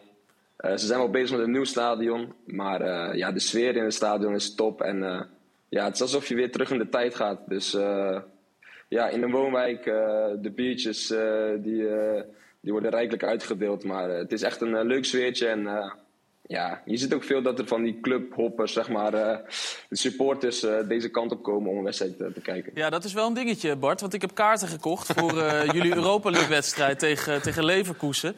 Omdat ik jullie oude stadion heel graag wilde zien. En ik was heel trots. Ik kwam dat hier vertellen. Toen vertelde iedereen, ja, ze spelen een ander stadion, Europees. Ja, klopt. Ja, dit is, eh, het mag niet vanuit Europees, eh, om Europese wedstrijden daar te spelen. Dus we hebben de groepsfase hebben we in, eh, in Leuven eh, gespeeld. En nu spelen we in het, in het stadion van Anderlecht. Bart, het is altijd wedstrijd voor wedstrijd, niet te ver vooruit kijken. Maar er is natuurlijk een scenario dat, dat jullie Feyenoord zouden kunnen treffen. Is dat leuk vooruitzicht of niet juist? Ja, het lijkt me wel een, een leuk scenario. Ehm, ja, weggegaan bij Feyenoord en eh, toch altijd de vraag gekregen van... ja, wat ga je nou weer doen? Waar, waar, ga je heen? En het zou dan natuurlijk extra mooi zijn als je eh, ja, die halve finale kan spelen tegen Feyenoord in de Europa League. Ja, dat zou geweldig zijn. Het zou in ieder geval de, de Bart Nieuwkoop derby zou dat, eh, zou dat betekenen. Bart, nog één vraag hoor. Eh, vorige week zat eh, Joshua Brenet hier aan tafel. Ook een, een- rechter wingback zou je kunnen zeggen. Die zei, ja, ik vind het eigenlijk vreemd dat, dat ik niet bij de voorselectie zit van Oranje, minimaal. Hoe, hoe kijk jij daarnaar? Jij zou er ook bij kunnen zitten? Nou, ik, ik denk dat er heel veel concurrentie is, zeker op de rechtsbackpositie. Nu met 4-3 ligt het ook weer anders. Ehm, maar goed, volgens mij zat Frimpong en Kenny Tate bij de voorselectie en zijn allebei niet eens opgeroepen. Dus ja, ik kom nog verder achter. Maar dat maakt niet uit. Ik, eh, ik ben gewoon lekker bezig en ik speel iedere wedstrijd. En ben daar ook totaal niet mee bezig. Kijk, dat is ook wel eens een, voetballer die zegt... ja, nee, ik zit daar nog, eh, nog ver achter. Eh, terecht dat ik er niet bij zit. Ja, zo is het ook. Misschien wat streng voor zichzelf. Maar vind ik ook eh, eigenlijk dat is, wel. eh, eh, vind ik ook, Bart. Ehm, Bart, succes eh, donderdag tegen Leverkusen. Rustig aan, want ik hoop dus op een spannende return... in het eh, Lotto Park Stadion eh, dan eh, twee weken later weer. Dankjewel, Bart, Dank, eh, Jo, dat je geen even wilde spreken met ons. Ehm Danique, de naam Brighton viel een, een aantal keer. En jij eh, het fleurde al helemaal op. dat je dacht, hé, hey, die, eh, die club ken ik. Heb je, heb je gevoetbald? Klopt, ja. Hoe was het daar, dat, dat Engelse voetbal? Ehm, ja, nee, ik heb echt fantastische jaren gehad bij Brighton. Ik heb er drie jaar gespeeld. Ehm, het eerste jaar was dan natuurlijk het coronajaar, dus die hebben we niet afgemaakt. Maar ja, in Engeland, net als bij de mannen, is het gewoon het beloofde voetballand. En ook voor vrouwen. Dus gewoon... zijn ze heel snel geworden, hè? want dat waren Ja. ze natuurlijk niet eh, een Nee, jaar geleden. klopt. Nee, ze hebben echt eh, eh, een grote ontwikkeling doorgemaakt. En dat komt mede door Barclays. Die heeft, ik denk drie jaar geleden, denk ik, echt heel veel geïnvesteerd. En daarom heet het nu ook de Barclays eh, Super League. Ehm, ja, en je, da- daar zaten ze eigenlijk wel echt op te wachten op een grote investeerder die het echt naar een nieuw platform kon, kon trekken. En dat is wel echt gelukt. Alle wedstrijden werden uitgezonden. Eh, als ze niet op tv waren, waren ze in ieder geval via een, eh, een aparte app kon, kon je het volgen. Eh, maar sowieso, ja, Brighton heb ik, heb ik me echt heel erg thuis gevoeld. En zijn die grote clubs daar, zijn dat ook de, ehm, de grote voetbalclubs in het vrouwenvoetbal? Dus een, Ja, eh, een Chelsea, Man met- City, ja? Man United, ja, zeker. Volg je nu dan de perikelen bij Azerion, de hoofdsponsor van, eh, van de vrouwen-eredivisie hier? Volg je dat met argwaan? Omdat daar toch dingen gebeuren? Op Nee, moment? eigenlijk niet. Nee, ik heb ook Maakt ook niemand zich zorgen over... eh, Nee, voor zover ik weet. eh, nee. Ja, is, is jouw verwachting zeg maar, van buitenaf dat dat rechtstreeks een grote impact Nou ja, gaat ik bedoel, er spelen natuurlijk dingen bij Fortuna Sittard... wat rechtstreeks met Azerion te maken Ja. heeft. En de overname is nog steeds niet goedgekeurd. Dus daar spelen best wel veel dingen op de achtergrond. En uiteindelijk is het wel gewoon de naamgever van de hele league. Ja. Eh, dus ja, ik, dat zou ik wel... Ik denk ook wel dat mensen daarmee bezig zijn. Nou, lekker eh, Robert. Danica had er nog niet aan gedacht, maar eh, die eh, slaapt vanavond niet. Het is ook al bezig met de maatschappelijke carrière. Zo is het, en we hebben ja. nog geen DJ-naam trouwens. Ook nog, ja. ja. Hartstikke zo druk zijn we. Doe maar zo een rondje. Daniek, ik wel, ben wel benieuwd, zeg maar, omdat ze bij eh, Union hetzelfde toepassen als bij Brighton. Was het ook bij vrouwen? Ben jij ook op, da- op basis van data gehaald? Of Ehm, dat nog niet? Nou, ik voetbalde daarvoor voetbalde ik al in de Engelse competitie. Ehm, bij Bristol heb ik twee jaar geze- gezeten. En uiteindelijk was ik eigenlijk zelf toe aan een nieuwe stap. En Brighton had zich al een jaar eerder gemeld bij mij. Alleen, ik had eigenlijk net mijn plek gevonden in het buitenland. Dus voor mij kwam het nog een beetje te vroeg om weer te gaan verhuizen... en weer, zeg maar, je plek te moeten vinden. Maar toen ze dus het jaar later kwamen, toen had ik wel zoiets van... oké, Bristol is eigenlijk een beetje nog een opleidingsclub. Ja. En die zien zichzelf ook echt als een doorstroom van talenten. Eh, en Brighton heeft wel echt een, een grote ambitie. Ondanks dat ze het nu niet zo heel goed doen. Maar die club heeft wel echt de ambitie om uiteindelijk... en ook echt zeker de middelen om, eh, om mee te gaan draaien in de top. Alleen moet er wel eerst wat meer rust komen binnen de club. Maar eh, ik heb daar echt altijd eh, super naar Waar, mijn waar zin zit de gehad. onrust eh, bij Brighton? Ja, ik weet niet precies. De trainer is afgelopen seizoen ontslagen. Toen is er een nieuwe trainer gekomen die van Bayern afkwam.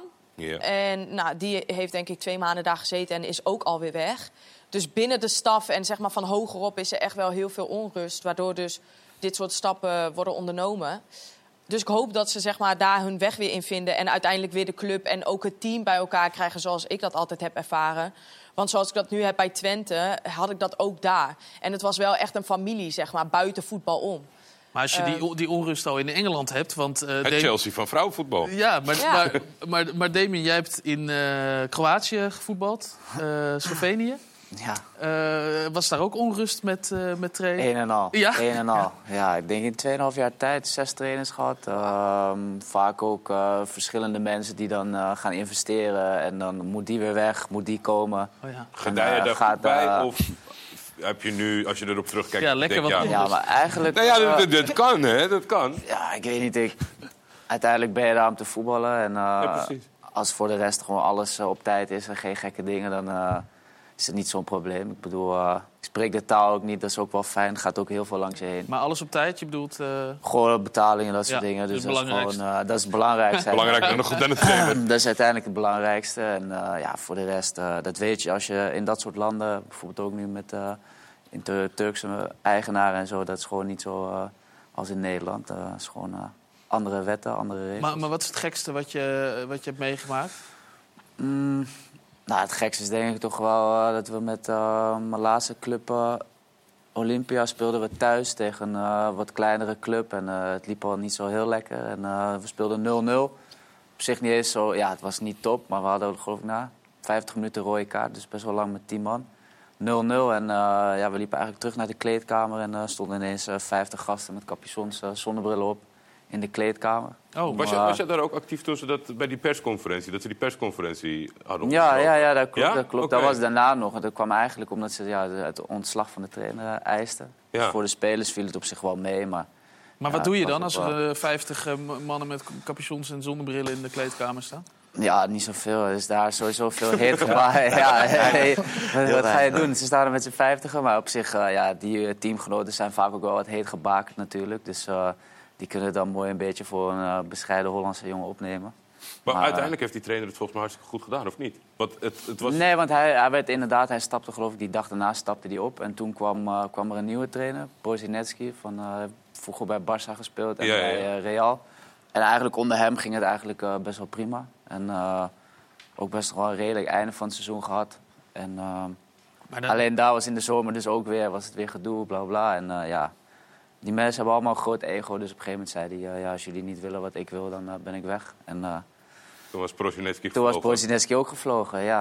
En toen vond Ja. jij het ook wel... eh, Ja, toen dacht, ik, Ja. toen dacht ik wel van ja, als iedere keer dit soort eh, gekkigheid. En eh, mijn vriendin was op dat moment ook zwanger. Dus ik dacht, eh, ja, om me daar weer twee, twee, drie jaar aan te verbinden. Om bij te Beter niet tekenen. meer met 50 man in een, eh, in een kleedkamer nu. Beter niet. Nee, nu is het, eh, nou ja, 50 man eh, zit wel in vak D, denk ik, zoiets. Maar eh, nee, eh, die moeten wel nog een stuk lopen ook naar de kleedkamer. Want die moeten van de andere kant van het stadion naar eh, onze kleedkamer. Maar Die zijn ook niet zo boos. Nee, meestal niet. Die zijn denk ik hartstikke blij met hoe het momenteel gaat. Precies. Ja, Dus, eh, Zeker. nee. Wat dat betreft geen eh, onrust bij eh, Almere op, op dit moment. Ehm, gelukkig maar. Koert, bij, eh, bij jou eh, Groningen dit seizoen eh, van onrust naar onrust naar onrust. Naar eh, zelfs een, eh, een, een degradatie eh, die eraan zit te komen. Ja. Hoe volg je dat?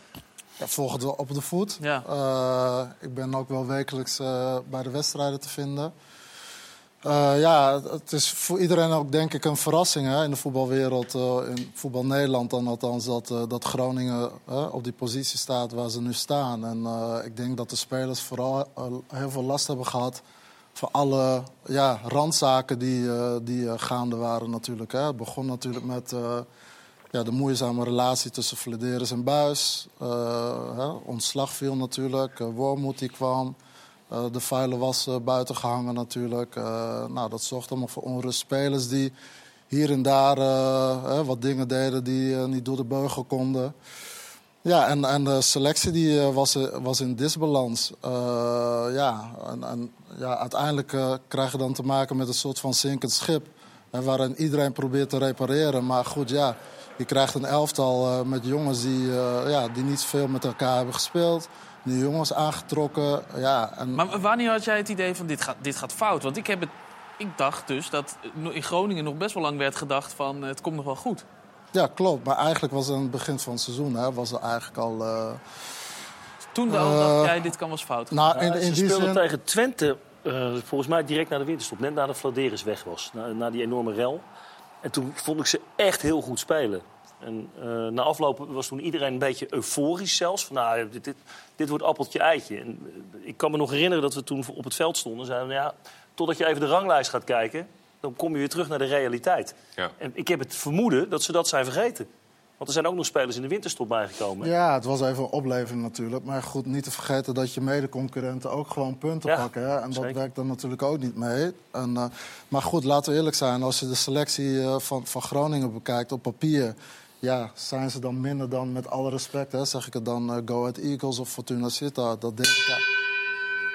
Dan, wordt- Fortuna, gaan, dan Fortuna gaan we nu zien. Ja, de naam Fortuna valt. En dan denk Nick, ik moet bellen, want er gebeurt wat op eh ESPN 2. Fortuna speelt namelijk tegen, tegen Ajax. Het eh, staat eh, daar 1-0. Dit is alweer een tijdje geleden. Ik wou zeggen. Ja, dit is alweer eh, lang geleden. Oeh, dat is onhandig weggewerkt en wel goed ingeschoten. Dit is weer Berghuis. Eerst met links en nu dus met rechts de 2-0 die hij maakt. Zo staat het dus eh, 2-0 voor Ajax. En we zijn nu al een stuk verder in de wedstrijd. Een corner, voorzet. En kijk aan. Kijk. Steven Bergwijn denkt ook, ik eh, scoor weer eens. Ook weer een tijdje geleden, volgens Ja. mij, was uh, Hij voortvarend van geen start titel. gegaan. Nee, Zijn droogte. Nee. Dus er is niks doorbroken. Maar geen, het was wel... geen, eh, vloek van, eh, geen vloek van Bergwijn. Maar hij maakt in ieder geval eh, de 3-0. Daar staat het eh, dus 3-0 bij Ajax Fortuna. We hadden het over Groningen, daar gaat het eh, minder. En je zegt Groningen op papier heeft een selectie die is misschien net wel... eh, Nou, goed als, ik als- denk niet dat ze heel veel minder zouden zijn. Eh, alleen, eh, ja, weet je, de samenhang is er nog niet. Nog steeds niet. En eh, heel veel wisselingen natuurlijk plaatsgevonden. Nieuwe spelers eh, toegepast. Trainerswisseling. Eh, ja, dat werkt natuurlijk eh, allemaal niet mee. Eh, ja, als speler ben je natuurlijk gebaat bij rust. En, eh, en- vooral eh, stabiliteit. Ja, en dat kan eh, denk ik alleen maar als het in de organisatie ook vooral klopt. Robert, is het heel moeilijk om het voetballende gedeelte daarbij tijd te keren... als het zeg maar met zoveel randzaken bezig is? Want je zou toch zeggen van... op dat veld, met die selectie wat Kurt ook aangeeft... dan, dan Kijk, ik denk, ik denk dat eh, het helpt absoluut niet hè, wat er allemaal gebeurd is. Maar ik denk dat spelers, en zeker internationale spelers... hebben natuurlijk best wel wat jongens uit het buitenland gehaald... dat die daar wat minder naar kijken. Eh, ik, ik denk gewoon dat ze grove inschattingsfouten gemaakt hebben in kwaliteit uiteindelijk. En, Dus dat toch komt ze nu... selectie, Nou ja, die denk- ik kwaliteit denk, van de selectie. We hebben het net over de spits gehad, over Van Hooydonk die goals maakt. Ze hadden er een spits. Ja. Die hebben ze voor 12 miljoen laten gaan. Dat zou wel eens de allerduurste transfer van Groningen geweest kunnen zijn... die ze ooit gemaakt hebben. Terwijl ze In negatieve trots- zin. Kan je, maar kan je één van de betrokken partijen kwalijk nemen daarbij? Nou ja, er is, er is natuurlijk al van alles gebeurd. Hè. Ik bedoel, de technisch directeur is weg, de trainer is weg. Eh, Ze hebben nogal beslissingen genomen, links en rechts. Eh, dus ja, ik denk dat je een heleboel mensen van alles kwalijk kan nemen. En eh, het is ook niet de eerste keer dat het gebeurt. Ze hebben ook niet gekeken naar het verleden. Eh, dus Twente is ook een keer gedegradeerd uit het niks. Nou, eh, kijk even naar, naar NAC, wat, eh, wat daar nu mee aan de hand is. Die al jarenlang in de eerste divisie spelen. En Willem II. Allemaal clubs die niet verwachten van wij gaan in die situatie komen. Dat, het komt wel goed. Het klassieke model van we, we zagen het niet aankomen, wat kon eigenlijk. Ja, nou, ik, ik ben ook heel nieuwsgierig. Ik ken de situatie van Groningen niet helemaal intern hoor. Maar ik ben heel nieuwsgierig. Een club als Groningen, ik denk niet dat die per se rekening gehouden hebben met eerste divisie contracten bijvoorbeeld. Nee, je Kan bedoelt me met bijna niet voorstellen. clauses. Nee, nou, dan ja. wordt het een duur jaar. Dan wordt het Dan een moeilijk je- jaar. Ja, dat Ja. was een Champions Veel League, dure eh, spelers in de Champions eerste League clausule ergens toch? Ja, bij, eh, bij de oude trainer ja, in zijn contract. Robert, hoe volg jij dan jouw eh, oude club, Cambuur? Of, of ben je dat een beetje eh, kwijtgeraakt in de loop der Nee hoor, die volg ik nog wel. Ik volg al mijn oude, oude clubs wel. eh, Altijd wel met Overal waar je 100 bovengemiddelde- wedstrijden of meer Ja, minimaal gespeeld. 100 Alleen, wedstrijden. alleen bij 100. Alleen anders kijk je niet meer. Nee, eh, ja, natuurlijk wel met, met ik zeg het bovengemiddelde interesse. Alleen ja, dit jaar ziet het er gewoon vrij kansloos uit. Eh, al, al een tijdje. En eh, het geloof is denk ik ook weg. Eh, als je vandaag, eh, ik heb vandaag de wedstrijd dan eh, maar een gedeelte gezien, maar na een half uur 3-0 uit. Ja. Dan denk ik niet dat er nog iets in de ploeg zit van laten we. eh, ja, of nou ja, ze zullen dat gevoel wel hebben, maar het straalt niet uit eh, van wij, eh, wij blijven in de Eredivisie. En, eh, Is, is het dan toch ook anders als een club een beetje een profiel hebt van degraderen, promoveren, degraderen? Dat het toch iets anders is, een soort van berusting? Want anders, het lijkt me heel moeilijk om als supporter vandaag te kijken. Dat je gewoon Ja. in de belangrijkste fase een soort van schouderophalend naar de slagbank gaat. Ja, nou ja, het is natuurlijk inderdaad een club. Er zijn een aantal clubs die vaak eh, Ja. heen en weer gaan. En dat is, in Groningen is het natuurlijk een ander, ander verhaal. Dus daarom gaat het waarschijnlijk ook veel meer over Groningen natuurlijk. Mhm. Eh, maar ja, ik, eh, ja, ze zijn het wat dat betreft, gebeurt het vaker. Maar het is wel een ontzettend belangrijke fase nu waarin Cambuur zit. Met het nieuwe stadion op komst. Ja, die zullen wel echt in de Eredivisie moeten spelen. Dus dat, dat, daar gaat wel volgend jaar vooral heel erg veel druk op staan. Want eh, het wordt natuurlijk elk jaar moeilijker om terug te keren. Eh, alleen al als je kijkt naar bijvoorbeeld financiële steun die je krijgt in het eerste jaar eh, nog. ja, dat wordt steeds minder. En het wordt steeds... En de concurrentie in de KKD natuurlijk, met dat. alle Groningen-type degradaties dan eventueel. Dat wordt natuurlijk ook een enorm Ja, spelers halen. Als je, als je net bent gedegradeerd, dan ben je nog de grote club uit de Eredivisie. Die, en dan willen spelers nog wel naar je toe. Maar als je dan drie, vier jaar in de, in de keukenkampioen-divisie zit... dan wordt het steeds lastiger. Want wat je zegt, je hebt concurrentie van een aantal grote clubs. Ja. Ja. Eh, dus dat wordt niet zo makkelijk. Maar eh, ja, dat zal volgend jaar zal een heel belangrijk jaar worden. Cambuur eh, gaat, eh, nou ja, waarschijnlijk degraderen, kunnen we toch wel zeggen inmiddels, eh, Robert. Ja. heb jij Groningen ook al helemaal eh, opgegeven, Koort? Of heb Nou, je nog tot een- voor dit weekend hadden we nog goede hoop. Hè? Voor Utrecht natuurlijk nog was een van de laatste kansen denk ik nog eh, om, om wat eh, ja, om te keren. Alleen ja, Emma die heeft natuurlijk ook eh, weer gelijk gespeeld. Sta je op acht punten achterstand met nog zes wedstrijden te gaan. Ja, dat wordt denk ik wel een heel eh, lastig verhaal nu nog eh, om, ja, om erin te blijven überhaupt. Nou jongens, we gaan eruit in eh, mineur. Maar straks komt het helemaal goed, want dan gaan we schakelen met de Kuip. Om 8 uur komt eh, Feyenoord daar nog eh, in actie. Die gaan daar voetballen tegen RKC. En dan gaan we het ook hebben over de trainer daar. Misschien wel de beste trainer ooit, zei iemand hier aan tafel. Tot zo! Welkom terug in de voetbalkantine, waar het in de pauze net wel even ging over de wedstrijd van vanavond. Feyenoord neemt het dan namelijk in de eigen Kuip op om 8 uur tegen eh, RKC, uiteraard. En voor ons eh, in de Kuip is nu al Sinclair Bisschop. Sinclair, goedenavond inmiddels. Ehm, Ja, goedenavond. Merk jij al iets van eh, extra spanning ehm, in de Kuip, ook rondom veiligheidsmaatregelen naar aanleiding, naar aanleiding van afgelopen woensdag?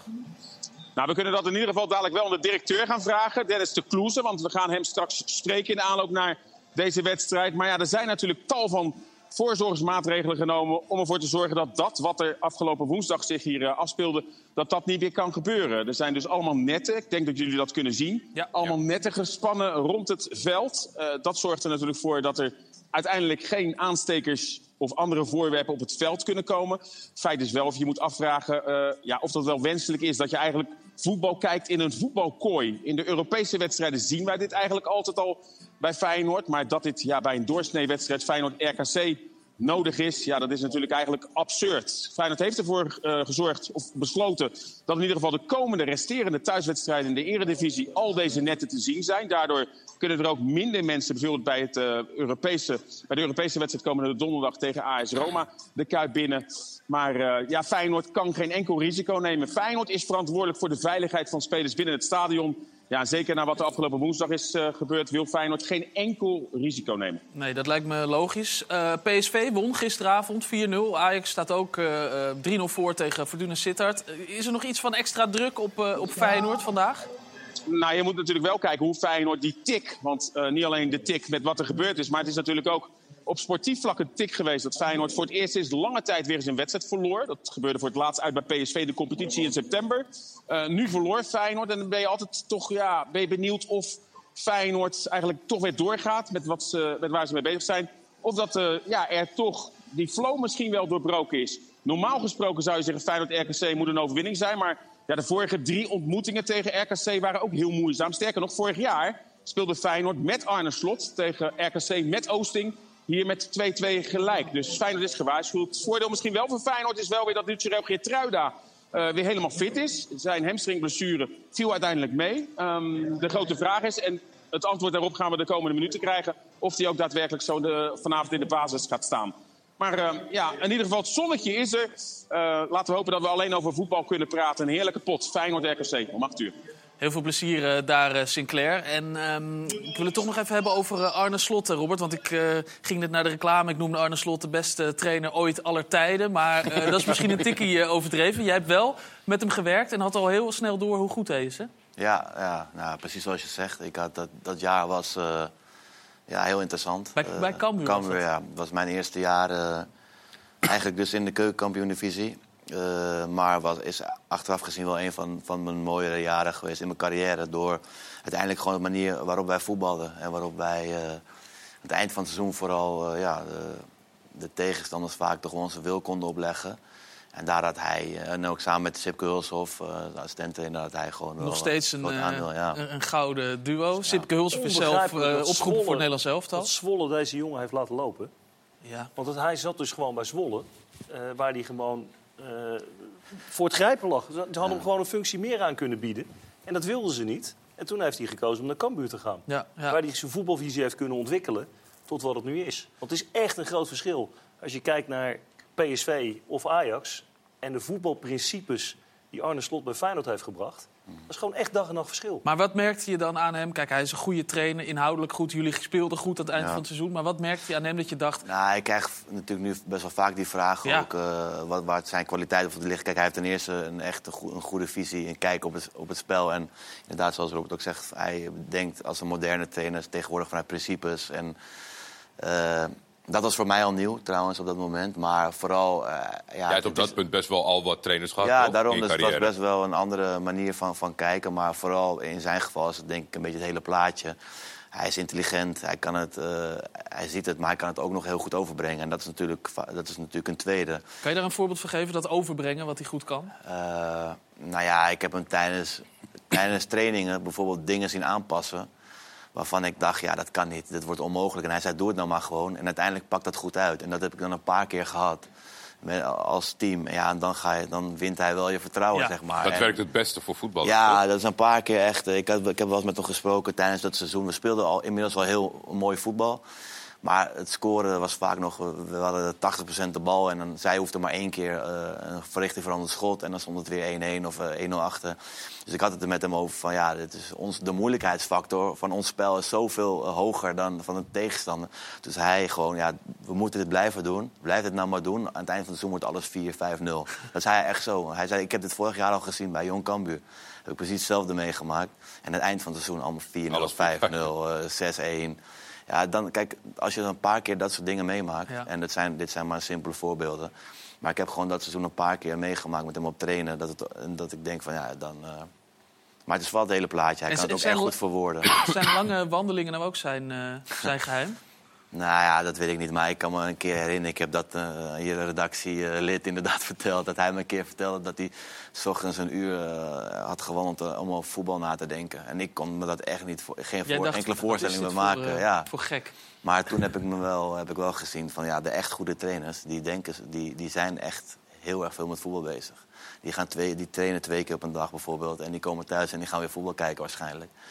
En uh, ja, zo'n uh, voetbal, voetbalgek is uh, Arne denk ik ook wel. Ja, bijzonder. Damien, jij hebt ook een uh, goede trainer gehad bij Jong PSV inmiddels. Pascal Jansen. Absoluut. Bij AZ. Had je een beetje dezelfde ervaring als, als Robert met Arne Slot? Ja, was... Is het toch een verrassing dat hij het nu zo goed doet? Voor mij niet. Ik, ik vond het eigenlijk wel verrassend eigenlijk dat hij ook na dat jaar bij Jong PSV ervoor koos om hoofdjeugdopleiding te worden. Ik vond hem echt een hele goede trainer. Tactisch was hij erg sterk. Maar ook zijn, uh, zijn rust, hoe hij dingen uitlegt aan de groep. Vaak ook met de veranderende groep. Want als je bij een jong elftal is het natuurlijk heel veel aanpassen en uh, verwisselingen. Maar uh, ja, echt top. top. Kan het, is, het, het is een man met veel gebruik, hè? En ik geloof dat hij altijd op bepaalde schoenen loopt en zo. Had altijd iets van John. Ja, is ja. altijd. Had hij dat toen ook al? Ja, ik kan me wel herinneren. Want we hadden toen, hij had gesponsorde schoenen, maar hij zei die kan ik niet aandoen. Want hij had altijd zijn eigen schoenen aan. Maar nee, echt ja, perfect. Was echt heel goed. Want naast het stadion bij Almere. Ja, dat klopt. Hij woont, oh, dat, hij ik weet niet of de bedoeling is dat jij dat tegen iedereen... Uh... Nou ja, Almere, ben je wel eens in Almere geweest? Maar dat is best een grote stad. Nee, ik ben heel vaak bij Almere ja. geweest. Bij Almere City. Maar ja. bedoel je dan weer van die lag voor het opge... Op... Nee, we hebben, ik heb met hem gesproken toen. En, uh, hij was toen prima op zijn plek bij AZ al. Uh, als assistent toen nog de tijd van, van Arno. Van Slot. En, maar dat zijn allebei trainers, zowel Arne Slot als, als Pascal... Die, die heel goed nadenken over... Uh, hoe moet je voetbal spelen? En, en daarvoor hebben ze ook de rust. Weet je wel? Ze, zij zitten altijd in een proces. Dus ze zijn veel minder bezig met resultaat. Uiteraard is dat belangrijk, maar Ja. ze zitten veel meer in het procesmatige. En dat geeft ze rust om te kunnen werken. Danique, wie is jouw beste trainer eh, ooit geweest? Lastig. Ik denk waar? als... Dat zagen we niet aankomen. Nee, met- ja, ik denk wij als, zeiden als club, ehm, clubcoach Arjan Veurink. Mhm. En uiteindelijk werd hij assistent van Sarina Wiegman. Maar ik denk als ja, Sarina Wiegman, die wist het wel. eh. Wij zeiden tegen elkaar dat wordt eh 100% Ja. eh Serena Wiegman. Maar je Ja. moest er zelf nog over nadenken. Ja, nou ja, Arjan Veurink heeft natuurlijk, die heb ik gehad vanuit de onder 14 al bij Twente. Dus uiteindelijk heb ik daar ook het eerste door behaald, zeg maar. Dus eigenlijk heeft hij mijn hele traject dus meegemaakt. Ja, Ja, en Wiegman eh, zette je wel eens op de bank bij het Nederlands elftal. Dus wat dat betreft... maar ja, ze heeft me er ook bij gehaald. Ja. Ja. Je ehm, hebt een WK-finale meegemaakt, ook onder haar eh, leiding. Ja. Had je toen ook zoiets, net als eh, Robert bij eh, Arne Slot had, dat je dacht, ja, die heeft het helemaal onder controle? Ehm, ja, eigenlijk wel. Ja, we hadden nooit het gevoel van... We zaten natuurlijk überhaupt in een hele goede reeks toen. We verloren amper. Of we lieten überhaupt geen punten liggen. Maar op zo'n WK gaat het er natuurlijk wel om van... oké, je moet gewoon je wedstrijden winnen. Anders ga je naar huis. Ehm, maar zelfs, volgens mij begonnen we de eerste wedstrijd... maakten we 1-0. Ja, Nick die komt Maakten we 1-0 in de laatste minuut. Maar we hebben eigenlijk nooit dat toernooi het gevoel gehad van... oké, eh, het, het is niet mogelijk, zeg maar. Dus uiteindelijk... eh, En dit is, d- dat shirt, hè? Ja. dit is Nick met jouw eh, Ja. trots. Ja, mooi. Ook mooi dat je dat zo hebt laten inlijsten. ja, De, de zilveren medaille, want jullie verloren die WK-finale uiteindelijk van Amerika. En ik, ja, je hoort, ik probeer zo lang mogelijk te rekken, maar Nick loopt op een gegeven moment gewoon, gewoon weg. Ja, is, dat- is dat jouw bijzonderste voetbalherinnering? Eh, ja, zeker. Samen met Europees kampioen. Onder 19 was dat dan. Maar ja, dat is, uiteindelijk speel je als speler wel voor de prijzen. Dus als je dan eh, ja, een medaille mee naar huis neemt, dat is wel het Ik mooiste. ben toch wel geïnteresseerd. Ik kan me zo goed voorstellen dat als je gewoon een goede speler bent... en je staat vaak op het veld... en dan is dit natuurlijk uniek qua Ja, setting. zeker. Maar je was er niet bij. Dat het dan toch, zeg maar, nummer één... Ja. Ja, ja, ik heb het is gewoon uiteindelijk geen... echt... De ervaring om erbij te zijn is Ja. zo uniek. Ja, ik heb uiteindelijk geen, eh, geen minuut gemaakt op het WK. Maar onderdeel zijn van dat proces. En je gaat uiteindelijk echt... Voor die tijd ga je al eh, een heel proces aan met elkaar.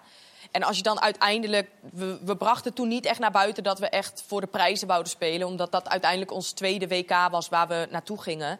Dus naar de buitenwereld waren we best wel bescheiden. En uiteindelijk intern spraken we wel echt over dat we echt eh, ook de beste van de wereld wouden worden. Nou ja, en uiteindelijk langzamerhand, als je dus het toernooi steeds verder inkomt... en uiteindelijk dus de finale behaalt, ja, dan is dat wel iets heel... Ja, gewoon het hele proces is wel echt... eh, dat, dat vergeet ik nooit meer. Dus dat is wel echt een Dat hoogtepunt is wel van heel mijn bijzonder. carrière. Ja. Ja. Ja. En Pa- Pascal Jansen heeft dus af en toe een, een raar gebruik. Eigen schoenen aan en dat soort dingen. Heeft uh, Serena Wiegman die ook? Ja, weet ik eigenlijk niet. Nee, voor, voor zover ik weet, heeft ze dat niet. Geen Nee. apartigheden die, eh, Nee. die je nu even met ons eh, kan delen? Nee. Ja, jammer. Eh, Robert, is het een, eh een, een trainster die je ooit bij eh, een, een mannenteam zou zien? Ja, ik had het net over Almere City. En op een gegeven moment waren we op zoek naar een trainer. Toen hebben wij daarbij gezet als, als kandidaat. Het is toen anders gelopen. Ik weet ook helemaal niet Jij was daar technisch, eh, technisch directeur. directeur. Ja. Ja. maar wij hebben het toen wel degelijk besproken. Eh, ik weet niet of het kan. Eh, je moet er wel, ook wel, er zit natuurlijk een, nog wel een enorm verschil tussen het niveau tussen mannenvoetbal en vrouwenvoetbal. Eh, en nou, ik kan die vertaalslag nog niet helemaal maken of dat dan ook op coaching zo is. Ja, of haar expertise één op één aansluit Ja, met omdat het, van omdat het toch ook wel een ander spel is dan. Het is natuurlijk toch weer een stuk sneller. Het is toch weer... eh, nou, op tactisch gebied zitten er ook verschillen tussen. Hè? Als je kijkt nu hoe, hoe zich dat ontwikkelt. Het is hetzelfde spel, het is 11 tegen 11. Eh, maar de snelheid is anders onder Met heel andere. veel nuances. Wat denk Eh, jij dan? dus nou, Kan dat? maar ik, ik, ik zie het haar wel doen Ja, ik zie het haar ook wel doen. En ik denk uiteindelijk dat, ja, dat, dat het dan moet uitwijzen of het kan. Maar voor een, ehm, een land, zoals toen Nederland, nu Engeland... ze doet het gewoon hartstikke goed. Dus ze is echt een uitstekende coach. Ehm, maar ja, ik, ja, we zullen het moeten zien. Het is nog nooit gebeurd dat er een eh, vrouwelijke trainster... eh, een mannenteam ging, ging coachen. Het probleem zal zijn het vergrootglas van de eerste die het probeert. Ja, Ja. Ja, altijd één proberen. Ja, maar dat, dat zal een keer gaan gebeuren. Je, Ja. je kijkt bedenkelijk. Ja, ik, eh, ik ben echt op dit moment ook aan het nadenken over wat ik er eigenlijk, hoe ik, het, eh, hoe ik er naar kijk. Ik denk alleen dat het wel echt een stuk makkelijker met vrouwenwerk is op een of andere manier in een team. Ik denk dat die. eh, Daniek, ja, ja, ik denk dat. Ja, ik denk dat die eh, ma- eh, op, misschien wel harder werken eigenlijk, om het zo maar te zeggen. Dat die eh, meer een team. In, het vo- in het mannenvoetbal krijg je denk ik te, meer te maken met echt de ego's en de, de eigen BV'tjes. Ik, ik denk dat het in een vrouwteam minder is, maar dat is misschien echt eh, een, eh, ja, misschien een eh Ja, naïef gedachte. de selectie Ja, van wel, het ik snap wel WK. wat je bedoelt. Ik denk wel dat wij inderdaad... ehm, wij gaan wel echt een connectie aan met elkaar in de zin van we moeten echt... eh, je wordt een soort familie en echt vrienden van elkaar buiten het voetbal. En ik denk dat... Ja, ik weet niet precies hoe dat is bij de mannen, maar ik heb Nou, het gevoel dat dat dat, bedoel ik ook wel. En waarschijnlijk heeft dat ook natuurlijk wel met geld te maken. Maar als, eh, als de, eh, ja, in het mannenvoetbal wordt over het algemeen meer geld verdiend... als het in het vrouwenvoetbal ook zou zijn met transferwaarde. En dan zou daar waarschijnlijk ook meer eh, dat soort zaken gebeuren. Ik denk dat in Ja. vrouwenteams ook teams eh, langer bij elkaar eh, zitten. langer Ja. met elkaar spelen, waardoor ze ook een band krijgen. Eh, want dat, als je nu naar het mannenvoetbal kijkt, hoe, hoe- hoeveel voorlopers zitten in die teams... dat is ook na- natuurlijk moeilijk te managen, denk ik. Ja. Eh, en dat is iets. eh, maar ja, ik, ik zou eigenlijk op, ja, niet weten waarom het niet zou kunnen. Maar dat is een van de dingen waarvan ik denk. Ik, ik denk dat het wel een verschil is. Lastiger. Robert, ben jij inmiddels uit eh, DJ-naam voor, eh voor Daniek? je hebt nu best eh, anderhalf uur kunnen nadenken. Nou ja, ik, DJ Danique lijkt me gewoon een uitstekende Ja. naam, hoor. Kom je daar anderhalf uur denken? Ja, nee, maar, Hoef je niks meer aan te doen. Maar luister, goed is goed, hè? Ja. Ja, Chesto, dat is ook zo. Dat- Chesto is ook niet zo ingewikkeld, toch? Nee, maar ja, dat is, nog iets met Thijs gedaan. Ja, oké. nee. Ja. Dat is iets internationaal, maar Danique is al een internationale naam. Dus ja, als Ja, jullie een beter idee hebben, kom er maar mee, hoor. Ja, Ja. jullie zouden met de naam komen. Nou ja, eigenlijk hadden we Robert daarvoor Oh. ingehuurd. Maar eh, eh, dit, dit is, nee, Daniek is nog niet helemaal eh ik, was, ik ben zo meegevoerd in deze gesprekken allemaal... dat ik, ik heb er gewoon niet aan gedacht om die naam te verzinnen. Ga ik nu nog doen. Heel goed, we komen er wel uit. We gaan nog even napraten. Eh Damien, dankjewel. Fijn dat je er was. Succes met Almere, Koert. Komt wel weer goed met Groningen Yes, uiteindelijk, toch? uiteindelijk Ja, wel. Zo is het. Robert, dankjewel. Robert, dankjewel. Daniek, bedankt. Ehm, bedankt voor het kijken. Hierna nu eh, Eredivisie op zondag met eh, Feyenoord RKC. En daar dus ook het interview van Sinclair met eh, Dennis de Kloeze van Feyenoord. En, ehm, oh, dat is om vijf voor zeven hoor ik nu in mijn oor. En om tien over tien gaan we kijken naar Dit Was Het Weekend. Bedankt voor het kijken, bedankt voor het luisteren als podcast. Dat kan natuurlijk ook. En heel graag tot snel.